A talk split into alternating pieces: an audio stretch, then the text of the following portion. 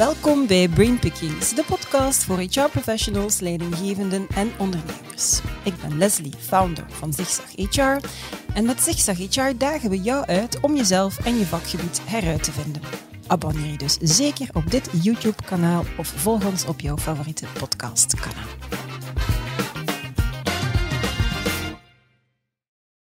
Passion for Work draait om mensen. Met meer dan 100.000 uren coaching op de teller willen ze werkend Vlaanderen gelukkiger en veerkrachtiger maken. En daarvoor kunnen ze rekenen op een uitgebreid netwerk van coaches in Vlaanderen. En in deze aflevering van Brainpickings kruip ik in het hoofd van een van die coaches, Severin van de Voorde. En met haar ga ik het hebben over omgaan met stress en over veerkracht. Severin gaf jarenlang herkennis over ontwikkelingsstoornissen door aan studenten psychologie in het hoger onderwijs, wat ze toen ook combineerde met een eigen praktijk. Tot het licht uitging. Maar ze had het lef om de gouden onderwijskooi te laten voor wat het was en ze leerde grenzen stellen en bewaken. Ze specialiseerde zich bij professor Elke van Hoof in coaching op vlak van stress, burn-out en hoogsensitiviteit. En iedere zomer gaat ze met een groepje hoogsensitieve jongeren tussen 8 en 12 jaar op kamp. En daar leren ze dan over zelfzorg, over talenten en emoties. En het is echt een schatkist voor een verdere leven, zegt Severin. Want in loopbaanbegeleiding ziet ze heel wat hoogsensitieve volwassenen struggelen, omdat ze dat eigenlijk als kind nooit geleerd hebben. Dag Severin. Hallo, dag. Alles is goed met jou? Ja, prima. Helemaal klaar voordat ik in jouw hoofd ga duiken? Ja, dat mag je zeker doen. Ja, super, want je hebt veel te vertellen, heb je mail gezegd. Hè? Ja, ik heb superveel te vertellen, maar ik ga to the point komen. Oké, we gaan erin vliegen. Jouw expertise, Severin, is stress, energiebeheer en veerkracht. Vertel, wat is het belang van stressbeheer als we het hebben over loopbaanbegeleiding? Uh, stressbeheer is een, eigenlijk een voorwaarde om aan loopbaanbegeleiding te kunnen doen. Mhm. Omdat als je overprikkeld bent of uh, je, je, zit in je stressbrein, dan kan je eigenlijk helemaal niet meer logisch nadenken. Mm En dat is ook iets, uh, iets biologisch, dat is iets lichamelijk. Je, je prefrontale cortex, dat is je denkbrein, die wordt dan mhm. buiten spel gezet. Dat is alsof een ruiter die van zijn paard wordt gewipt. En dan kan je die functies ook niet meer gebruiken. Dus logisch denken, relativerende dingen in perspectief plaatsen, emoties onder controle houden. Dat gaat niet als je op een bepaald stresslevel bent terechtgekomen. Dus om dan uh, logische keuzes te maken op vlak van job, op vlak van, uh, van wat, wat, geeft mij energie, wat kost mij energie, dat is op dat moment niet meer mogelijk. Dus het is eigenlijk echt wel een voorwaarde om, uh, om, om, te om, kunnen om starten kunnen. eigenlijk, om, ja. omdat het effectief zou, zou We mogen ook geen loopbaanbegeleiding opstarten als mensen nog in een acute fase van een burn-out zitten bijvoorbeeld, omdat er dan um, ja, te weinig energie is en geen logisch denkvermogen. Oké, helder. Um, je hebt het ook over lichamelijk stressbeheer als basis voor veerkracht. Ik dacht dat ik dat toch ergens in een boek of in een inleiding had uh, gelezen. Hoe kunnen mensen die nu luisteren of kijken daar, daar zelf mee aan de slag? Uh, het is heel belangrijk om inzicht te krijgen in hoe het stresssysteem precies in elkaar zit. Mm. Ik denk dat veel mensen dat nog niet weten. Nochtans is het heel belangrijk, zeker in onze maatschappij, omdat wij constant gebombardeerd worden door prikkels. We leven in een maatschappij die zeer snel in verandering is. Mm. Uh, we nemen veel te weinig tijd voor uh, rust en herstel. Geen. En daardoor, ja, Soms. eigenlijk bijna geen. We zijn te druk bezig. Ja. Maar dat is een probleem, want ons stresssysteem is daar niet voor gemaakt. Mm -hmm. Ons stresssysteem is nog altijd het oeroude systeem um, van confrontatie met, met nu en dan is een wild dier in de jungle. Mm -hmm. En dat is niet afgestemd op onze huidige maatschappij.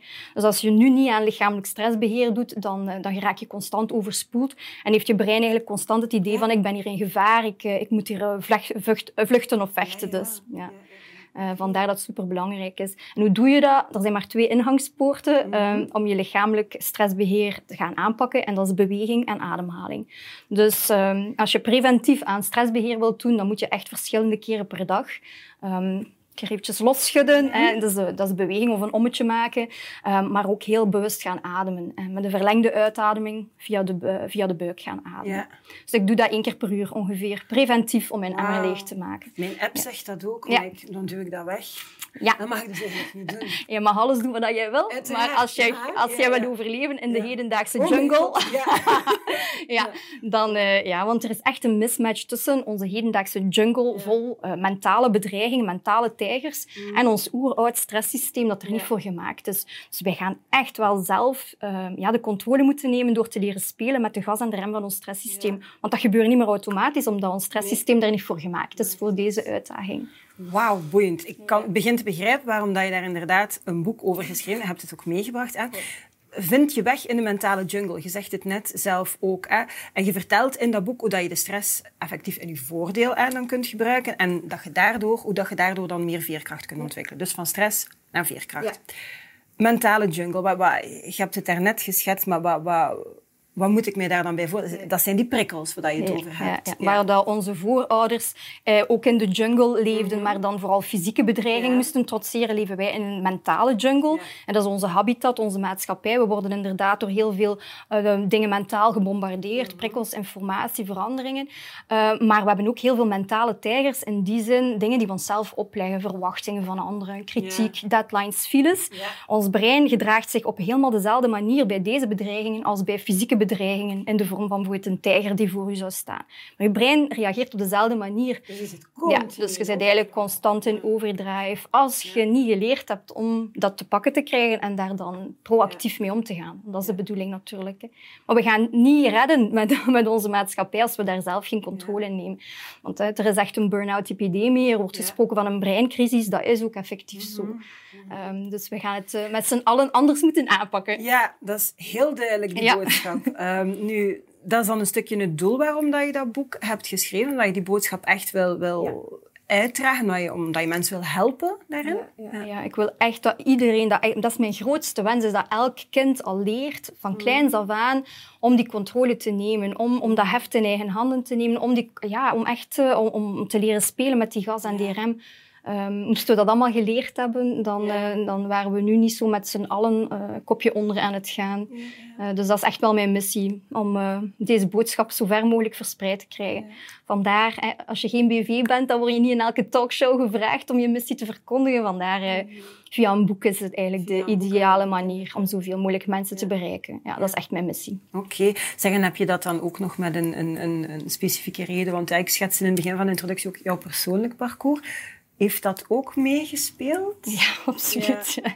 ja. ik kom vanuit een totaal andere um, ja, achtergrond. Ik ben wel psycholoog, maar ik was bezig met, met, uh, met ontwikkelingsstoornissen. Ja. Dus dat was helemaal iets anders. Mm -hmm. Maar door mijn eigen burn-out in 2016 uh, heb ik het roer volledig omgegooid en ja. ben ik me daar echt in beginnen verdiepen. En eigenlijk het pad dat ik zelf heb afgelegd, ja, dat is uh, een, een, dankbare cadeau eigenlijk om door te geven aan anderen. Dat is eigenlijk als ervaringsdeskundige en psycholoog dat je... Uh, denk, en die combinatie is natuurlijk ja, inderdaad die is zeer, super interessant.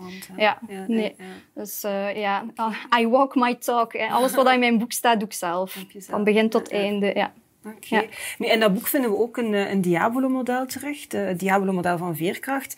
Ik heb het even hè, bekeken. Het is opgebouwd uit zeven sleutels die elk een andere poort, hè, want u noemt dat dan een poort, ja. naar veerkracht openen. En die zeven sleutels die zijn dan weer in drie thema's gegroepeerd. Zelfzorg, zelfontplooiing en verbondenheid. Ja. Kan je daar kort iets over, uh, over vertellen? Ja, dus de onderste driehoek, dat is inderdaad die lichamelijk stressbeheer, die superbelangrijk is, uw energiebeheer, maar ook uw mindset. Natuurlijk, je kunt niet aan mindset werken als je lichamelijk stressbeheer uh, niet oké okay zit. Hè, om, daar hebben we daar juist geleerd. De zelfontplooiing, dat is ook iets waar we altijd dagelijks ja. mee moeten bezig zijn. We zijn allemaal op weg. Uh, er is geen eindbestemming, er is alleen de weg zelf naar, uh, naar de meest tevreden versie van jezelf, zoals ik dat noem. Mm -hmm. Elke dag is het kiezen voor, voor preventie, om, om op een positieve manier in het leven te staan en, en ja, om stapjes te zetten richting, richting ja, een gelukzalig gevoel maar, en betekenis, maar dat is gewoon dagelijks, dat is geen eindbestemming.